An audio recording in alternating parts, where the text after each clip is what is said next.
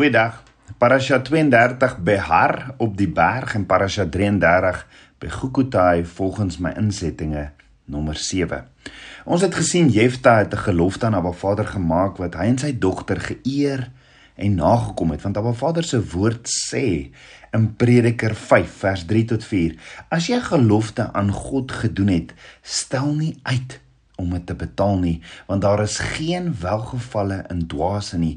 Betaal wat jy beloof. Dit is beter dat jy nie beloof nie as dat jy beloof en nie betaal nie. Dit het ons gebring by die laaste hoofstuk in Levitikus die einde van Levitikus waar Vader vir ons hierdie instruksie ook gee. So dink daaroor. Is daar nie ook een of ander gelofte wat ek en jy gemaak het wat ons moet betaal nie Numeri 30 vers 1 tot 2 sê: As iemand aan die Here 'n gelofte doen of 'n eed sweer waardeur hy homself verbind om hom van iets te onthou, moet hy sy woord nie breek nie. Hy moet handel volgens alles wat uit sy mond uitgaan. Nou dit is duidelik as jy 'n gelofte, 'n vow of 'n eed, 'n oath aflê dat jy jou woord nie moet breek nie. Jy moet handel volgens wat uit jou mond kom. Nou buiten Jefta was daar nog iemand wat 'n gelofte gemaak het aan 'n Vader oor 'n kind. In 1 Samuel 1 lees ons dat Elkana wat se naam beteken magtige krag van Jahweh twee vrouens gehad het, naamlik Hanna wat se naam beteken genade of om bevoordeel te word en Pina wat se naam beteken vroulik. Nou Pina het 'n paar kinders gehad, maar Hanna het geen kinders gehad nie. In die woord staan Hanna se baarmoeder was gesluit en dit het haar vreugde gesteel. Elke jaar soos wat die kinders van Israel 3 maal 'n jaar met Abba Vader se feeste na die tabernakel toe gegaan het by Shiloh wat beteken plek van rus en vrede, het Hanna nie haar rus en vrede daar ontvang nie. Sy het elke jaar leeg in haar hart gevoel. Hoekom? Want elke jaar het Pina vir Hanna bitterlik geterg omrede sy geen kinders gehad het nie. Nou Elkana kan nie verstaan hoekom Hanna so ongelukkig was omdat sy nie swanger was nie, want sy het mos vir hom. En hy kon nie verstaan hoekom sy so ongelukkig kon wees sonder kinders nie en vir haar selfs hy het selfs vir haar 'n dubbel porsie van sy offervleis gegee, meer as vir Pina en haar kinders. Maar selfs hierdie dubbele porsie kon Hanna nie gelukkig maak nie. Sy het bitterlik geween en kon nie eers eet terwyl almal in Shiloh 'n Vader se fees vier nie. Tot op 'n dag. Hanna het na ete van die tafel af opgestaan en na die tabernakel toe gegaan in Shiloh waar Eli die priester daar gesit het. Sy het by die tabernakel gekom, daar neergeval en bitterlik begin huil en hardop gebid en vir Abba Vader aangeroep. Met ander woorde, Hanna nader toe vir Abba Vader, haar Skepper wat haar beter ken as wat haar man of as wat sy haarself ken. Hanna het toe bitter bedroef tot Abba Vader gebid en bitterlik geween. Hoor gou. Hanna maak toe 'n spesifieke gelofte en sê aan Abba Vader en sê in 1 Samuel 1 vers 11: Here van die leerskare As u waarlik die ellende van die diens mag aansien en aan my dink en u diens mag nie vergeet nie, maar u diens mag 'n manlike kind skenk, dan sal ek hom aan die Here gee al die dae van sy lewe en geen skeermes sal op sy hoof kom nie. Is dit nie soortgelyke gelofte wat Jefta ook aan Abba Vader gemaak het nie? Die gelofte wat Hanna gemaak het is 'n is 'n spesifieke gelofte waarna ons ook in diepte gaan kyk oor 2 weke naamlik die Nasareer gelofte. Maar die punt is Hanna is vasgevang in 'n erge emosionele situasie. Sy stort haar hart uit, skoon skroom nie om bold 'n gelofte af te lê vir haar vader om 'n kind te kry nie. Nou Julle kyk haar toe en kon kon net haar lippe sien beweeg soos wat sy in die gees tot op haar Vader nader en hierdie gelofte maak in gebed. Inteendeel, Julle het eers gedink sy is dronk, maar sy antwoord hom en sê nee. Sy het sopas haar hele siel teenoor Abba Vader uitgestort. En Eli sê toe vir haar: "Gaan nou in vrede en mag Abba Vader jou gebed verhoor." Hanna het opgestaan, gaan eet en met die wisseling van die jaar het sy swanger geraak en 'n seun gebaar en hom Samuel genoem, wat beteken om met aandag te luister. Die Hebreëse woord vir luister is shema, wat beteken hy het met aandag geheer, listen en obey. So Abba Vader het Hanna verhoor en Hanna het haar belofte betaal want sy het haar seun Samuel vir Abba Vader gegee as gevolg van haar Nasareer gelofte. Net soos Jefta en Hanna wanneer ons ons woord vir Abba Vader gee en sê Vader, hier is ek. Ek gee myself oor aan U. Ek vertrou U. Moet ons ons kant van die ooreenkoms of gelofte nakom. In Jakobus 5 vers 12 staan: "Maar bo alles my broeders, moenie sweer nie, nie by die hemel nie, ook nie by die aarde nie en ook geen ander eet nie, maar laat julle ja ja wees en julle nee nee sodat julle nie onder 'n oordeel val nie." Met ander woorde, as jy soos Jefta en Hanna Abba Vader nader en 'n gelofte aan hom maak, moet jy jou gelofte, moet jy op hom staan. Of daai gelofte moet vas wees. Moenie met leë beloftes na Abba Vader toe kom nie. Die woord sê nie dat ons nie vir mekaar en vir Abba Vader wettige beloftes of ons woord kan gee nie. Nee, Abba Vader leer ons net in sy woord dat ons nie ligsinnige beloftes, leë beloftes moet maak wat ons nie kan nakom nie. Hanna, net soos Jefta tevoor, waarlike belofte aan haar vader gemaak wat 'n ware gelofte is. 'n Gelofte is nie 'n belofte om te doen wat die woord reeds sê om te doen nie. 'n Gelofte is om vrywilliglik iets te doen. En Levitikus 7 vers 16 sê: "As die offer wat hy bring 'n gelofte of vrywillige offer is, moet dit geëet word op die dag as hy die offer bring." Nou, hoe is 'n vrywillige offer 'n voorwaardelike offer? Ek meen, waarom bring jy dan die offer? Om mee te begin as dit nie nodig is nie. Daar is sekere voorwaardes waaraan dit moet voldoen, maar as jy hierdie gelofte maak, moet jy dit nakom. Wanneer ons ons woord aan iemand of aan 'n Vader homself op 'n voorwaardelike voorwaarde gee, moet ons onmiddellik en vinnig kant van die ooreenkoms, ons kant van die ooreenkoms nakom as die voorwaarde nagekom is. As ons dit doen, skep ons integriteit in ons lewens. Die Hebreëse woord vir integriteit is tome. Tome skets vir ons 'n prentjie in Hebreëus van volledig en volheid. Wanneer ons ons woord gee en ons dit vervul, het ons die gelofte voltooi en bring dit volledigheid of volheid. As ons nie ons gelofte hou nie, is ons onvolledig, leeg en skep ons 'n reputasie vir onsself van onbetroubaarheid.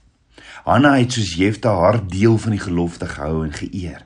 Want in 1 Samuel 2 nader Hanna weer vir Abba Vader in gebed toe sy haar seun Samuel na die tabernakel toe bring met 'n ware hartsgebed en sy eer Abba Vader want haar vernedering is deur hom herstel.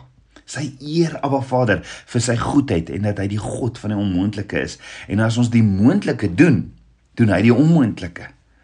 Als behoort aan Abba Vader en as ons hom ken in alles sal hy ons baie gelyk maak. Abba Vader sal voorsien en beskerm die wat getrou is aan hom en sy wil soek.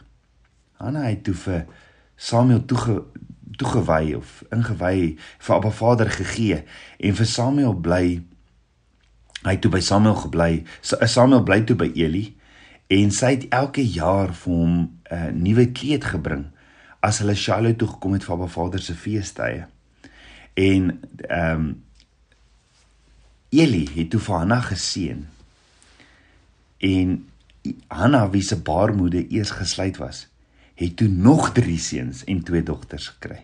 Met ander woorde nog 5 kinders en reg hierdie woord verteenwoordig 5 genade.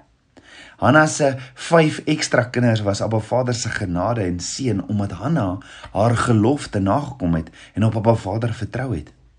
Hoor gou-gou. Saam met Samuel was daar 6 kinders. Maar hoor wat sê Hanna vir Abba Vader in haar danksegging gebed in 1 Samuel 2 vers 5. Selfs die onvrugbare het 7 gebaar. Nou ons weet, saam met Samuel het sy wat onvrugbaar was 6 gebaar. Hoekom bid sy selfs die onvrugbare het sewe gebaar want daar was nog 'n geboorte Haar eie gees was opnuut gebore. Sy was die sewende een. Sy was opnuut gebore in die gees en onthou wanneer ons ons woord gee en ons dit vervul, het ons die gelofte voltooi en bring dit volledigheid of volheid. So is daar iemand in die woord wat dalk ook 'n belofte gemaak het wat dit nie nagekom het nie. Onthou wat het gebeur by die laaste maal net voor Yeshua gekruisig is? Yeshua het vir sy disippels gesê, hulle almal sal hom voor die einde van die nag nog nie steek laat. Toe sê Petrus in Matteus 26 vers 35, al sal hulle u ook al almal in die steek laat, sal ek u nooit in die steek laat nie. Al moet ek saam met u sterwe, sal ek u nooit verloon nie. Met ander woorde, 3 jaar nadat Petrus besluit het om Yeshua te volg, toe maak Petrus 'n verklaring of 'n gelofte. Petrus het in Yeshua geglo. Hy was hy het Yeshua klaar gevolg. En toe maak hy hierdie belofte of gelofte. Maar hoor gou weer wat sê Petrus in sy verklaring of in sy gelofte vir Yeshua. Al sal almal ook aanstoot aan U neem, ek sal nooit aanstoot neem nie. Nou ons weet Yeshua antwoord toe vir Petrus en sê: "Voorwaar ek sê vir jou, in hierdie nag voordat die haan gekraai het, sal jy my 3 maal verloon." Met ander woorde, wat Yeshua sê is Petrus, jou toewyding, jou gelofte tot my Petrus sal nie eers 12 ure hou nie.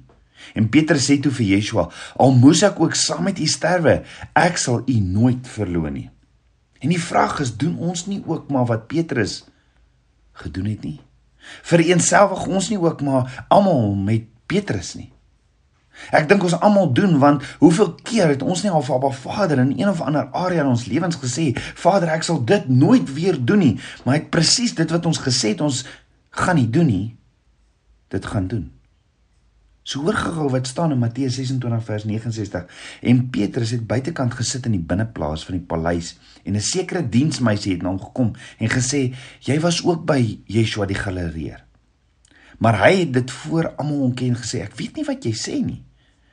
En Matteus 26 vers 71 tot 74 sê ons verder: "En terwyl hy uitgaan na die poort, toe sien 'n ander diensmeisie hom en sê aan die wat daar was: "Hierdie een was ook by Yeshua die Nasareer." En met 'n eed ontken hy dit weer. Hoor gou-gou, en met 'n eed ontken hy dit weer. Ek ken die man nie. Met 'n eed het Petrus nou Yeshua verloon wat nog 'n hoër vlak is van verloning. Dan vers 73, maar 'n bietjie later kom die wat daar staan en sê vir Petrus: "Waarlik, jy is ook een van hulle, want ook jou spraak maak jou bekend."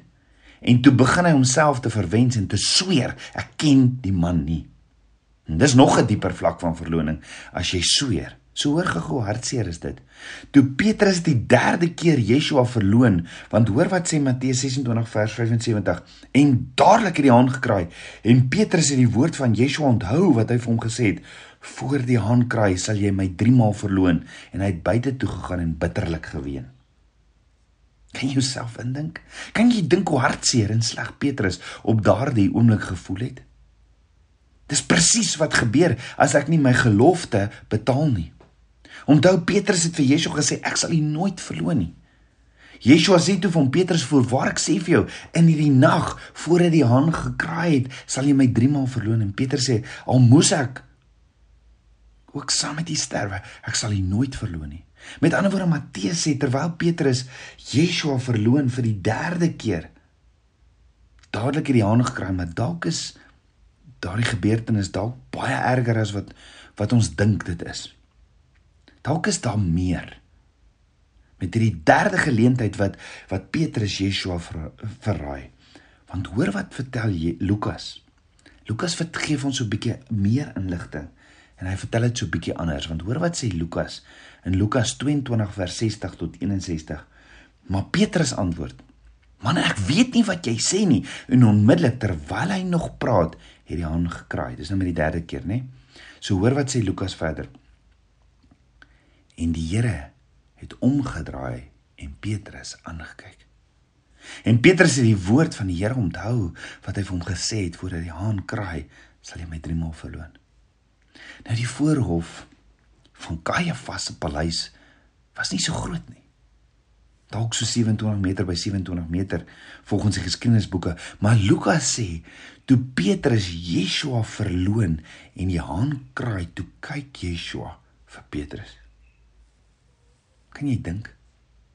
Hoe sal jy voel as liefde homself jou in die oë kyk vir daardie leë empty promises wat ons so maklik maak. Tabernakelskind van Abba, die vraag is, hoeveel keer het ons nie al vir Yeshua verloon nie? Hoeveel keer het ons nie al beloftes gemaak en gesê, "Abba, ek sal dit en dit en dit vir u doen" en dan 12 ure later heeltemal vergeete. Hoeveel keer het ons nie ook soos Petrus vir Yeshua en selfs vir ons geestelike familie, ons families iets gesê of beloof en dan is dit nie eers 'n paar ure later nie, dan is ons toewyding of belofte lankal vergeete. Jy sien die woord praat nie net van verloon met woorde nie, maar ook van dade. Want hoor wat sê Titus 1 vers 16. Hulle bely dat hulle God ken, maar hulle verloon hom deur die werke. Of anders gestel, ons bely dat ons liefde Yeshua ken, maar ons verloon hom deur ons werke met dit wat ons teenoor mekaar doen. Onthou dit wat ons teenoor mekaar doen, doen ons asof ons dit doen vir Yeshua. So wat as Yeshua vandag na my jou kyk? Jy sien 'n toegewyde disipel van Yeshua bly nie net by woorde van liefde nie, maar sy woorde bly nie net by woorde van liefde nie maar en en beloftes nie, maar sy woorde kan jy sien. Sy woorde word dade. Petrus het Yeshua verraai en in die steek gelaat. En net 'n paar uur na sy sogenaamde belofte het Yeshua verraai. Tog het Yeshua se liefde vir Petrus en vir ons nog nooit opgehou nie. Romeine 11 vers 29 sê: "Want die genadegawes in die roeping van God is onberoubelik, onberoulik." Met ander woorde, skus tog. Met ander woorde, dit staan onherroepelik vas. Yeshua sê in Lukas 21 vers 33: "Die hemel en die aarde sal verbygaan, maar my woorde sal nooit verbygaan nie." Wanneer alle ander dinge jou in die steek laat staan Abba Vader se waarheid nog steeds vas. Beloftes wat ons egter uit desperaatheid en ondeurdag maak is beloftes wat nie nagekom word nie. Ons moet egter baie versigtig wees met die maak van beloftes. Abba Vader verwag dat ek en jy ons beloftes aan hom sal nakom. Hy eis dit van my en jou So tabernakels kind van Abba, moenie beloftes maak wat buite jou bereik is nie. Hou eerder vas aan die beloftes van Abba Vader wat hy vir jou gee. Abba Vader is betroubaar en hy's 'n waarmaker van sy woord. Wees geduldig en wag met vrede in jou gemoed vir die uitkoms. As jy dalk al beloftes gemaak het soos Petrus, hoekom nie dit vandag aan hom bely nie? As jy dalk beloftes gemaak het soos Jefta en Hanna wat jy nog kan uitvoer, staan daarop. Doen dit. Want dit bring volledigheid en volheid. Kom ons bid saam. Aba Vader, koning van my hart, Aba ek loof en prys U. Vader, vergewe my vir vir al die leë, empty promises wat ek al aan U en aan ander gemaak het. Abba kom was my met die waterbad van die woord. Kom raak my mond aan met vuurkoel. As daar geloftes is wat ek gemaak het soos Jefta en Hanna dat ek ook soos hulle dit sal getrou nakom om daardie volledigheid en volheid te ontvang. Abba meer en meer van U. Ek bid dit alles in Yeshua Messie se naam, die seun van Jahweh. Amen. Shalom.